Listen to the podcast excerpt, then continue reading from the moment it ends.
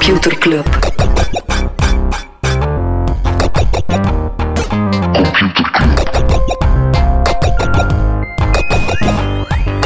Computer Club. Hey Smolly, Hey Freddy. welkom, welkom terug. Welkom, welkom bij Computer Club, een wekelijkse podcast over technologie.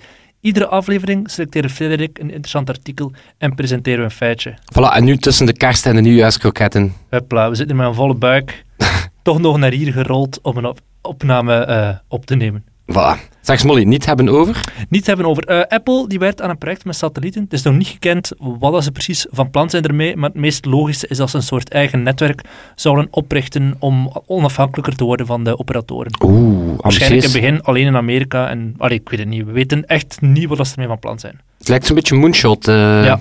Eigen, Apple ja, X. weg met, Apple, weg met Telenet, bijvoorbeeld, Alright. naar in Amerika. Ook een supercoole. En die een eh, zelf driftende wagen gezien. Die een Back to the Future DeLorean, hè? Ja, dus eh, meer en meer doemberichten over AI. Project Maven gaat een Palantir. AI gaat de wereld kapot maken. Maar eindelijk de toepassing. Eh, Stanford in een autonome DeLorean, de wagen van Back to the Future, eh, leren donuts te driften. Ja, voilà. Het is echt een van de... Je kunt niet bevatten hoeveel voldoening dat dat filmpje geeft om naar te kijken. Als de nerds weer zoiets te kritisch worden, gewoon zeggen, "Ah, kijk, een Ja, DeLorean die what about the kan driften." donuts?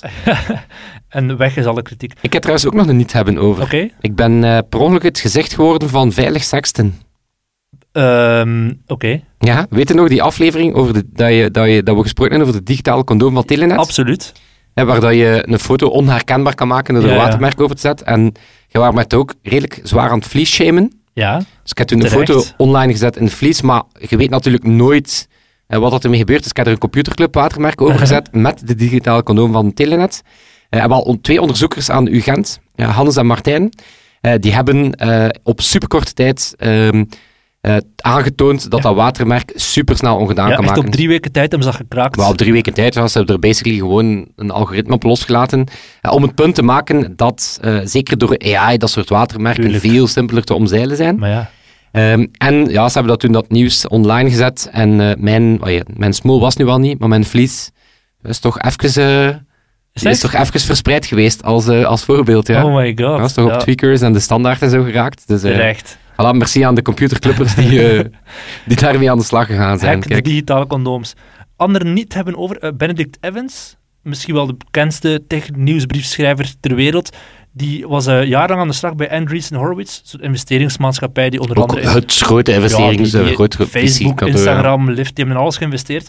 Benedict Evans in zijn nieuwste nieuwsbrief, die maandag, dus maandag, hoeveelste was dat, 23 december de deur is uitgegaan, zegt hij tussen de soep en de patatten, ik eh, vertrek bij AZ16, zoals dat bedrijf dan ook werd afgekondigd. Aangekondigd. Afgekort. Ja, Dus ik ja, vind wie weet vind het heel je- raar, want zo na vijf en half jaar tussen de soep en de patatten zeggen dat hij vertrekt, eh, er zal misschien iets... ah, ik weet niet. We gaan niet speculeren. maar Voorlopig blijven we van Van Benny. We weten Ja. het nog niet. We weet nog niet wat er mis is gegaan. Alright. Freddy, heb je een artikel eh, gelezen? Eh, ik heb, eh, Smolly, ik heb niet gewoon een artikel gelezen. Ik heb een volledige filosofie doorgelegd. Oh god. Ja, nee, ik heb een filosofisch stuk mee, wat in die, in de jaarsfeer.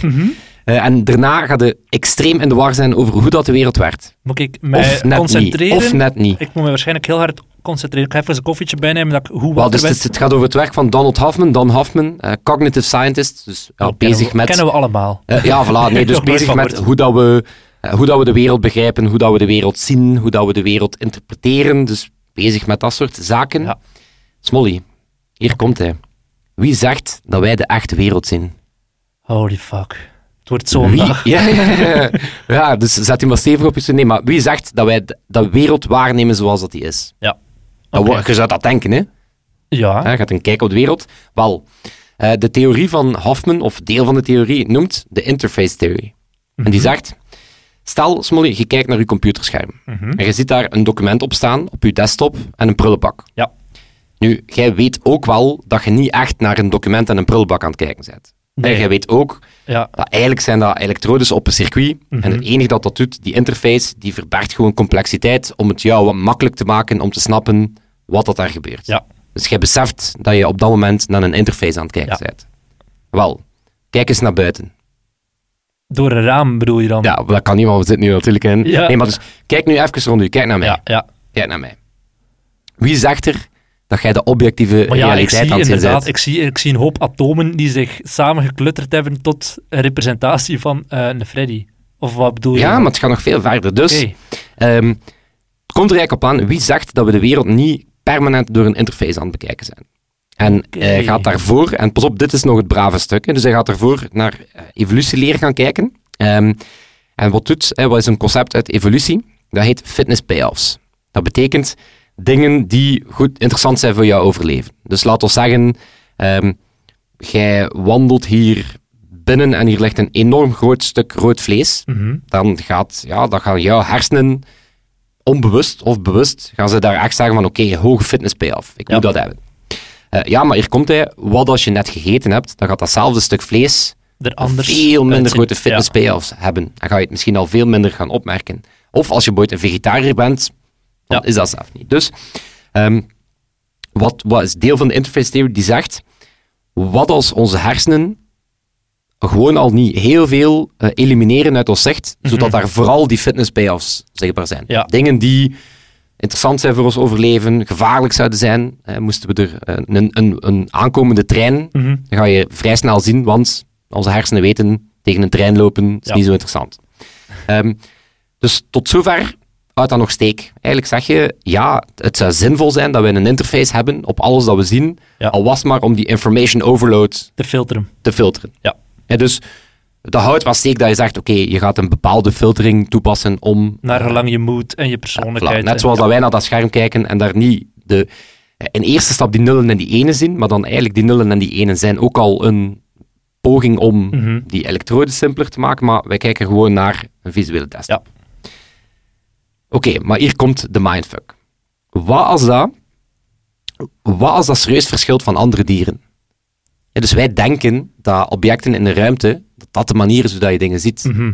Maar wie weet, ziet een, eh, als ik Kat een lekkere een cocktail zie. Ja, dan, dan zie ik die cocktail. Want eh, ik ben geconditioneerd om te zeggen, "Mm, cocktail is lekker. Wie weet, ziet een kat of een hond, ziet die dat glas zelf niet. Snap je? Ja, ja. Het is zelf niet van, het valt op of niet. Misschien, als die daar geen enkel voordeel bij hebben, zie je het gewoon niet.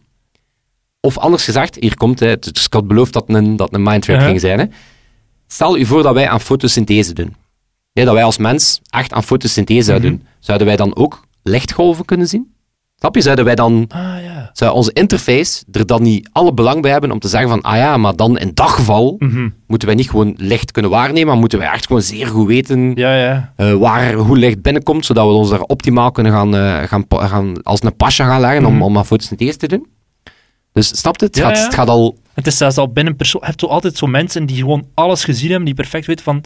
Als ik met mijn broer ga wandelen in het bos, dan weet ik meteen, daar zit een vogel. Als ik aan mijn dochter vraag, waar is Tommy, onze kat, die ziet hij gewoon, binnen een seconde zegt hij, daar zit hij, onder, onder dat rek, of die zit daar achter de deur. Die ziet gewoon al helemaal anders. Haar, ik heb al het gevoel dat haar interface anders is dan de mijne. Ja, Maar ik snap het inderdaad, bij dieren, ja, dat is next level. Een, een vleermuis ziet, ziet de wereld waarschijnlijk helemaal anders dan een mens. ja, want, en dit is dan de, dus tot zover het brave stuk van de Ja. interface theory. Oké. Ja, die zegt, we bekijken het allemaal Dit was door een bril. inleiding nog maar. Ja, die, die eigenlijk een selectie maakt. Eh, maar hier komt hij.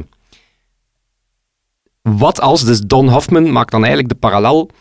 Hij zegt, misschien is de wereld veel meer zoals ehm, wij die samen een VR-bril aandoen. Ja. Eh, snap je?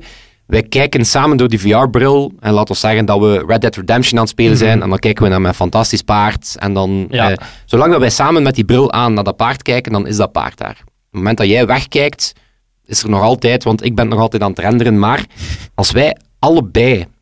En ten eerste, wij kijken niet echt naar dat paard, hè. wij kijken eigenlijk gewoon naar fotonen die in ons ooghoek worden geprojecteerd. Hè, dus vandaar, dat is al een interpretatie, maar het moment dat wij allebei niet aan het kijken zijn naar dat paard, wordt dat ook niet gerenderd. Nu, er is wel die gamewereld, en die is daar wel, maar zolang dat er niemand in die wereld is om die te Zo interpreteren... bijna van Schrödinger's kat, die... Als, als de doos niet opdoet, is er zowel wel als niet. Ah, wel, het, zit, het zit wel, omdat dat is dan echt filosofisch, je hebt solipsisme, ken je dat? Nee, Dat is solipsisten die denken dat hun, hun ervaring is de enige echte ervaring. oké. Dus alles wat ze zien of waarnemen is, hun, is eigenlijk gewoon hun verzinsel. Ja. Dus dat zijn de meest eenzame mensen ter wereld. Als zij stoppen, dan stopt het universum. Dus dat is het niet. Hè. Er is wel degelijk een objectieve realiteit. ja. Hier komt want als hij. niet naar je paard kijkt en hem gewoon negeert, dat hij dood. Dus, Voilà. Maar hier komt hij. Stel je voor, dus de objectieve realiteit, Molly, mhm. dat is code. Hè, beeld je gewoon in, dat is code. Maar het is enkel wanneer dat we zeggen dat we die willen renderen met onze ogen, dat die voor ons betekenisvol wordt. Onze UI is misschien gewoon een browser Ja. om, om code dat wij niet kunnen begrijpen, te begrijpen. En hier komt hij, hier komt hij. Het is- Ja. het is- wij denken in space-time matter. Hè, wij denken materie bestaat in een ruimte en die verleert over tijd. Mhm. Causaliteit, eh, spatialiteit, dat zijn dingen, we hebben dat nodig om te overleven. Ja. Hè, anders kunnen wij niet bewegen in de wereld enzovoort. Maar wie zegt dat dat de objectieve, dat de objectieve wereld space-time Mhm. matter is? Misschien is dat de interpretatie die onze UI aan kan. Misschien is dat gewoon hoe dat wij die code, code kunnen lezen, want anders zijn we er niks mee. Is dat voor dieren helemaal anders? Is dat voor dieren helemaal anders? Is dat voor, voor planeten helemaal Ja. anders? Is dat voor, voor een ruimtestelsel? Wow. Hey, interface theory, man.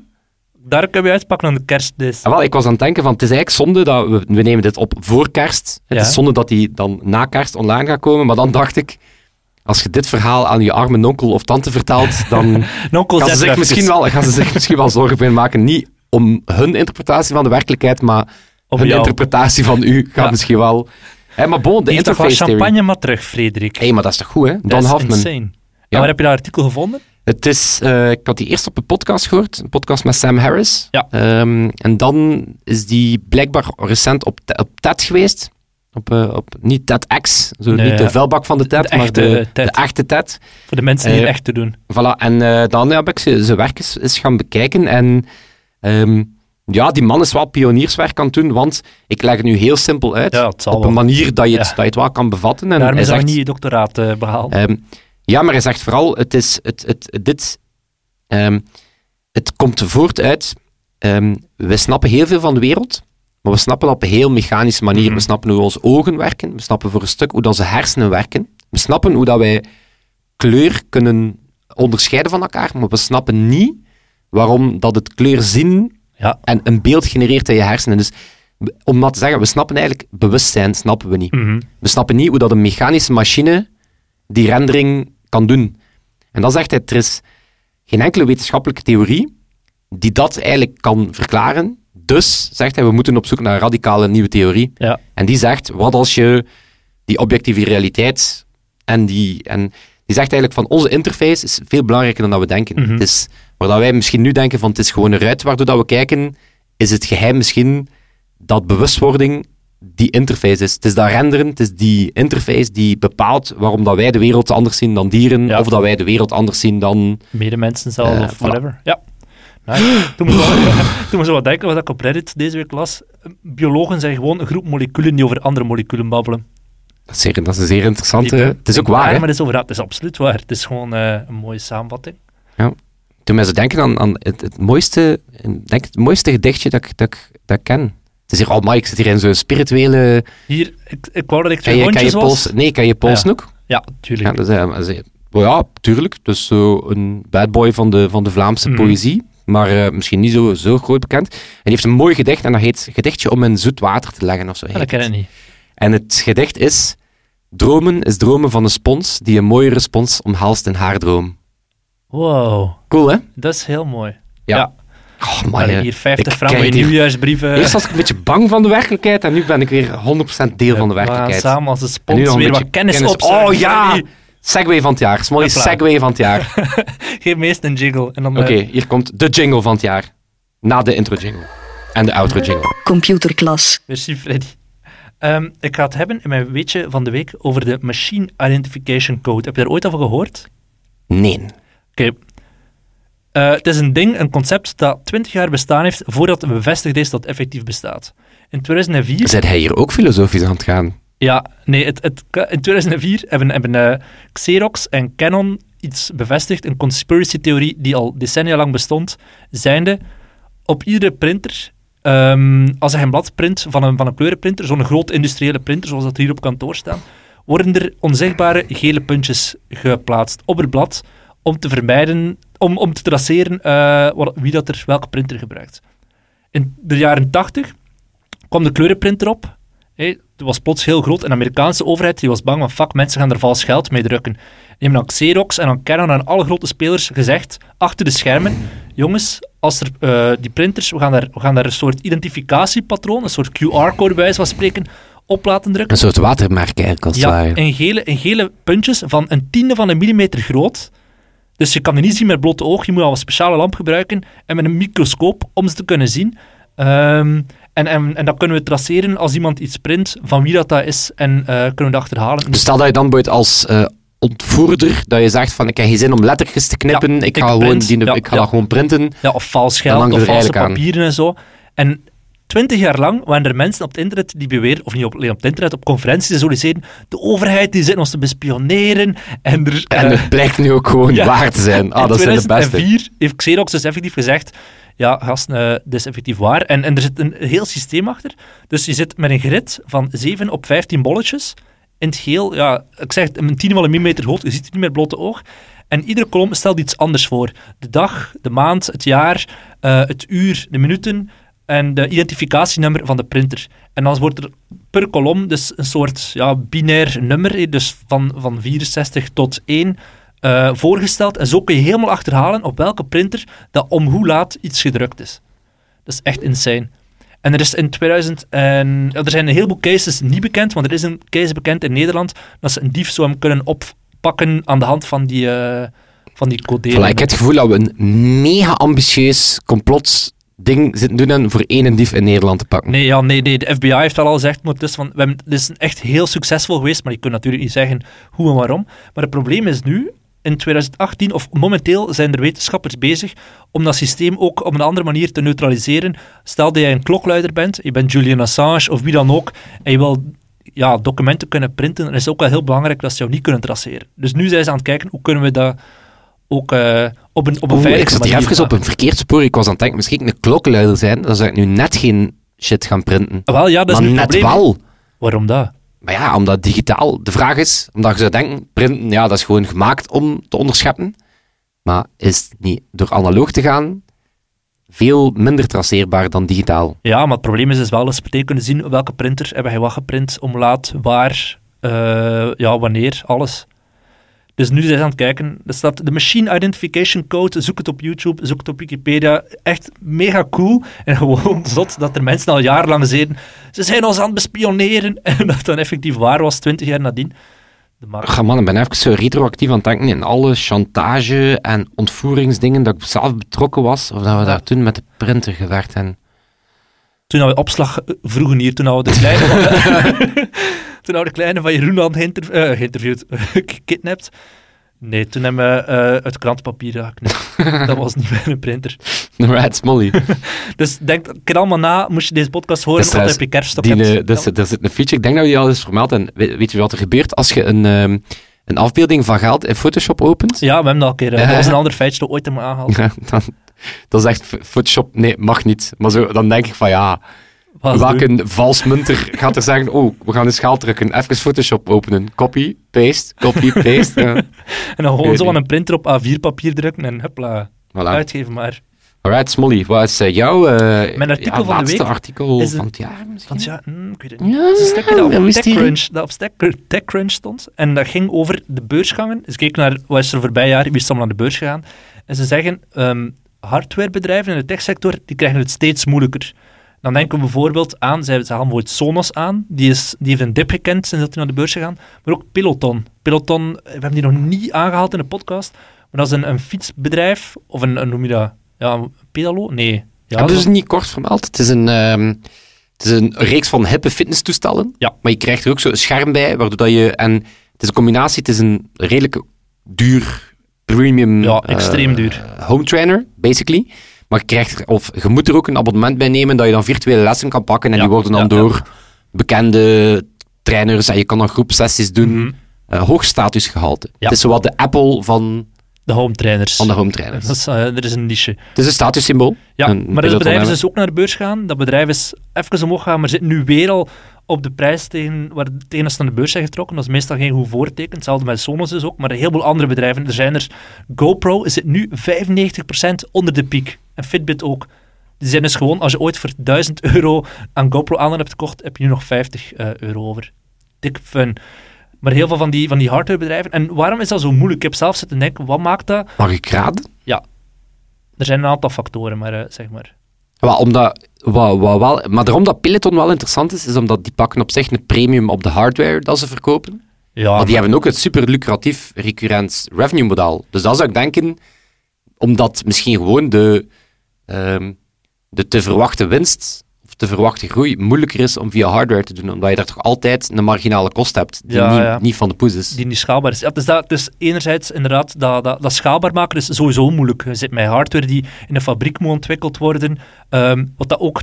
Ja, als je een app maakt voor één mens of voor een miljoen mensen, die interface zo blijft hetzelfde. Maar als je een product begint te bouwen, moet je wel gaan nadenken over materiaalkeuze, over hoe moet die in elkaar gezet worden, hoe moet die flow zijn om dat in een fabriek eh, te gaan bouwen. De cashflow is ook super moeilijk. je moet heel veel grondstof heeft in het begin trouwens al net een, aankopen. een veel cooler woord uitgevonden voor supply chain. Fabriekflow. Fabriekflow. Ja? Ja, dus wel Dat is veel minder droog. Fabriekflow. De fabriekflow, inderdaad. Maar de cashflow is ook heel moeilijk, hè, want je moet heel veel dingen die flows. Je moet heel veel shit aankopen, nee, grondstoffen enzovoort, om die dan, ja, op een bepaald moment zit je met heel veel schulden, om, totdat je ze verkoopt. Of als uw volledige fabrieksflow in China zit en de Ja. Chinezen beginnen zich plots aan te stellen. Ja, het is dat, of ze beginnen het gewoon zelf te bouwen. Eh, shipping, je zegt zelf, China, eh, maar als hij een app maakt en wil die in Australië live doen, dan is dat, morgen staat die daar live. Dat is trouwens de reden dat, dat Tim Cook zo wat Donald Trump tolereert. Heb die farse gezien dat, zo, dat, hij, dat, dat Trump naar die, eh, die MacBook-fabriek ging Nee, en zei van het is be super belangrijk dat we de productie terug in Amerika. Dat was een fabriek die er al negen jaar stond. Eh, ja, en toen eh, kwam er kritiek op Tim Cook, Mhm. omdat, hij daar, omdat hij die pluimen op Trump zijn hoed liet zetten. Hij had er perfect kunnen zijn van, ja, Donald, Dude, dit heeft dat niks Obama, met u ja, hier was, te maken. Maar er wordt gezegd omdat, ja, het moment dat die importtax er zou komen, dan is Apple ja, de hun beurswaarde... China importeren. eh. Voilà. Ja, maar het allermoeilijkste, of hetgeen wat ik het- het allerbelangrijkste vind, is die hardwarebedrijven die opereren in een wereld, in de techwereld, waardoor dat dan valse verwachtingen creëert. Een fiets, ik ga hem ze nog, nog aanhalen, maar Sonos of Peloton, maar ook Cowboy, die doen alsof ze een techbedrijf zijn, waardoor je als gebruiker de verwachting krijgt van, we gaan hier een update krijgen, iedere twee weken, dat product gaat beter worden, wat we al gewend zijn van een Facebook, een Instagram, al die, die techbedrijven. Maar met hardware gaat dat niet, je kan niet iedere twee weken een nieuwe fietswiel krijgen of een, eh, een spatbord of whatever. Dat is dus bijvoorbeeld het probleem met Cowboy. Die hebben een, een MVP gelanceerd, een Minimal Viable Product van een fiets, waar dat er nog heel veel gebreken aan waren. En nu gaandeweg worden die misschien wel opgelost. Maar die hardware kan je niet bij mensen thuis, eh, bij iedereen, die motor gaan vervangen door een betere motor, of spatborden gaan komen installeren, of de banden gaan vervangen. Maar je creëert wel ergens die verwachting. Mensen zijn, zijn, die verwachten dat wel, aangezien dat dat bij software ook zo kan. Zeker als je met zo'n recurrent business model komt. Want dat inderdaad, de meeste mensen vroeger verkocht je één iets, een app verkocht je voor 10 euro. En nadien moest je weer wachten op nieuwe, of app is misschien een verkeerd voorbeeld, een CD-ROM, Adobe Photoshop kocht je. Drie jaar later kocht je de nieuwe, drie jaar later nog een keer de nieuwe. Nu willen ze allemaal zo naar een subscription model gaan. En bij sommige modellen houdt dat steek. Bij Fitbit houdt dat perfect steek. Je wil die data, je wil eh, meer informatie over dat je gesport hebt. Bij een fiets, zoals Cowboy, houdt dat totaal geen steek. Niemand is geïnteresseerd in zijn fietsdata van een Cowboy-fiets. Daar, die zitten nu bijvoorbeeld te kijken naar een, een, eh, verzekering, dat je 7 euro per maand betaalt om eh, verzekerd te zijn met je fiets. Maar vaak is dat vis nog vlees. Ze willen dan enerzijds de beste hardware en anderzijds de beste software. Maar dat kost zoveel geld dat ze eindigen met een middelmatige software en middelmatige hardware, zoals met een... een, een, een eh, wie heeft daar nog last van? Ik vind dat vooral Cowboy er het meeste last van heeft. Die software is niet top-notch, die fiets is niet top-notch, waardoor je eindigt met iets wat dat mediocre is. Maar je zit wel met investeerders die zo, zo hard mogelijk willen... eh, Ben, eh, ben Thompson heeft er een goede, ik heb het Ja? even erbij gehad, die heeft een zeer goede artikel geschreven, dat noemt What is a Tech Company? Dat is die Mhm. andere band dat we grote fan van zijn. Ja. Dus What is a Tech Company? En dan omschrijft hij, ik stel het wat iets simpeler voor, die zegt ehm, software of softwarebedrijven, techbedrijven, die creëren ecosystemen, die Mhm. zorgen voor zero marginale kost, zero, zero marginal cost, dus die hebben, het wordt makkelijker, gelang dat ze er meer maken, en die improven over time, Ja. inderdaad dat. Ehm, ja, ik stel, het, ik stel het nu iets simpeler voor. En dan gaat hij eigenlijk alle techbedrijven, is, onder andere Peloton, WeWork enzovoort, Mhm. van is dit nu een techbedrijf? ja, En dan is het WeWork is geen techbedrijf. Nee, het is allerminst, ja, er is een ecosysteem, ze hebben waarschijnlijk een app om dingen te boeken en zo, ja, maar... maar het is allerminst iets dat je een zero marginal cost hebt. Ja, En Peloton zit er dan zo'n beetje dubbel in, omdat die zo... dat Die hebben wel model, ja. bepaalde aspecten ervan. Bij Peloton kan je gaan nadenken nog van, wat is het interessantst? Is dat die fiets, of is dat dat platform met die video's en die lessen en die data? Ja, wie weet kunnen zij er nog zelf een pivot op doen. Hè? Ja. Wie weet zeggen zij ooit van, oké, misschien was het hardware-stuk. Misschien kan iedereen binnenkort die Peloton-lessen abonneren, zonder dat je per se die een fiets hebt. Ja, alhoewel dat dan natuurlijk de waarde van die fiets, als je dat doet, Ja, dan is, Dan dat, is die waarde van die... dan, dan ben je een ecosysteem. Stel dat ze zeggen binnen tien jaar of binnen vijf jaar van, kijk, iedereen die thuis een Garmin-fiets, Garmin is geen merk, een Eddy Merckx eh, fiets heeft, zet die op rollen en je kan ook je aansluiten met Peloton. Kan perfect. Dat is, eh, dat is het interessante met bijvoorbeeld eh, Apple Music. Ja. En wat normaal het model is van, van Apple. Normaal is Apple een verticaal bedrijf. Dan Mhm. gaan die volledig geïntegreerd zijn. En dan is de, de software en de hardware eh, heb, je, heb je nodig, want anders kom je er niet in. Mhm. Maar met Apple Music willen ze natuurlijk een horizontaal model, waar dat ze zoveel mogelijk mensen willen bereiken. En dan is interessant dat je tegenwoordig Apple Music kan bedienen van op Google Assistant en Mhm. van op Alexa. Want normaal zou je van Apple verwachten dat ze zeggen, ah nee, je hebt daarvoor die HomePod nodig. Ja. Dus daar is wat Apple ook wel, beseffen ze ook wel van, of eh, Apple TV bijvoorbeeld. Mhm. Dat zit nu ook op andere tv's die niet van Apple Ja. zijn. En dat is wat interessant voor Apple, is het... ehm, ja, als je een dienst hebt, dan heb je net bereik nodig. Mhm. En als je een ervaring wil, dan heb je net Ja, ja. die geïntegreerde ervaring nodig. Dus dat. GoPro sukkelt daar ook zo hard mee. Dat is geen techbedrijf. Die hebben ook wel zo wat die ambitie gehad. Maar iemand koopt een GoPro ene keer en gaat dat niet vijf jaar later. Ja. Je zegt geen... jij en Sebastiaan, hè? Het een ei te palen, hè, met Cowboy? Ja, wel, dat is dus het probleem. Gehad, hè. Je creëert die verwachtingen en dan, dan merk je, die zitten zowel op die software en die hardware tegelijk te focussen. En dan merk je, het is allebei net niet goed genoeg. Misschien iets te hoge verwachting creëert? Nee, eh, ik denk dat die vooral heel veel druk hebben van investeerders die zo snel mogelijk willen cashen. Ik voel dat gewoon in alles. Dat die, die zitten nu uitrollen naar Spanje, die zitten uitrollen naar overal. Die fietsen worden te koop gesteld in Decathlon, de FNAC. What the fuck, de FNAC. Wie koopt er een fiets in de FNAC? Gewoon omdat ik voel, die investeerders willen dat binnen drie, vier, vijf jaar ervan af zijn. Voor heel veel meer winst. Terwijl dat die nu gewoon moeten zeggen, jongens, we gaan even twee jaar maken dat die fiets top-notch is. Gewoon blijven aan werken. En dan beginnen uitrollen. Zit nu bij een product dat nog niet eens af is, te lanceren in landen om toch maar de grootste te zijn. Ja. Misschien is het een pittige stelling om je af te sluiten. Maar ik weet dat er heel veel van onze luisteraars werken bij SaaS-bedrijven en zo. Ja, ja. Maar ik denk persoonlijk, op dit moment, ik zou liever niet werken in een bedrijf waar dat er venture capital zit. Nee, absoluut niet. Nooit Omdat het creëert zo veel druk. exponentiële groeiverwachting, Ja, dat je op een gegeven moment kwaliteit... Allee, bod- Absoluut. Dus stelling, eh spreek mij eh, open, open for debate. Maar ik denk, op het moment dat er kapitaal in, die, die medewerkers zitten er ook maar gewoon te... Allee, ik denk, heel veel van die mensen werken daar, zitten aandeelopties te krijgen en die weten, ooit gaan we naar een IPO of worden overgenomen en dan eh, is het feest. en daar gaan wij nu naar terug, hè, Smolly. Daar gaan we nu Even, eh, tussen de- eh, Tussen de gaan kerstkalkoen en de, en de bubbels in. Eh wensen jullie ah, sowieso allemaal een mooi, eh, mooi eindjaar. Het is, eh, Yes. het is weer een schoon jaar geweest. Hè? Fantastisch jaar. Fantastisch. Gaan we enkel nog eh Sebastiaan bedanken, die de- deze keer de mix gaat doen. Merci Sebastiaan. En zoals altijd, als clubhuis staat ook chockvol met interessante lectuur. En waar vinden we dat? eh, op Facebook, de Facebookgroep van Computerclub. Ook al een mooie bende geworden. Ze. Meer dan 500 zijn wel. Voilà. Ideaal voor tijdens de kerstvakantie, eh, om daardoor toch niet te doen Ja. wat je beloofd had aan je partner. Dat je ging doen stort gaan bijvoorbeeld. Ja, moest je, moest je een interessant artikel of video tegenkomen of documentaire, deel hem daar. Gewoon knallen. Alright, dan gaan we hier de kerstbellen luiden en eruit gaan. Hè. Yes, tot volgende week. Tot volgende week misschien. Waarschijnlijk. Ja, waarschijnlijk. Ja. We hebben niks beters te doen. Jojo. Computer Club.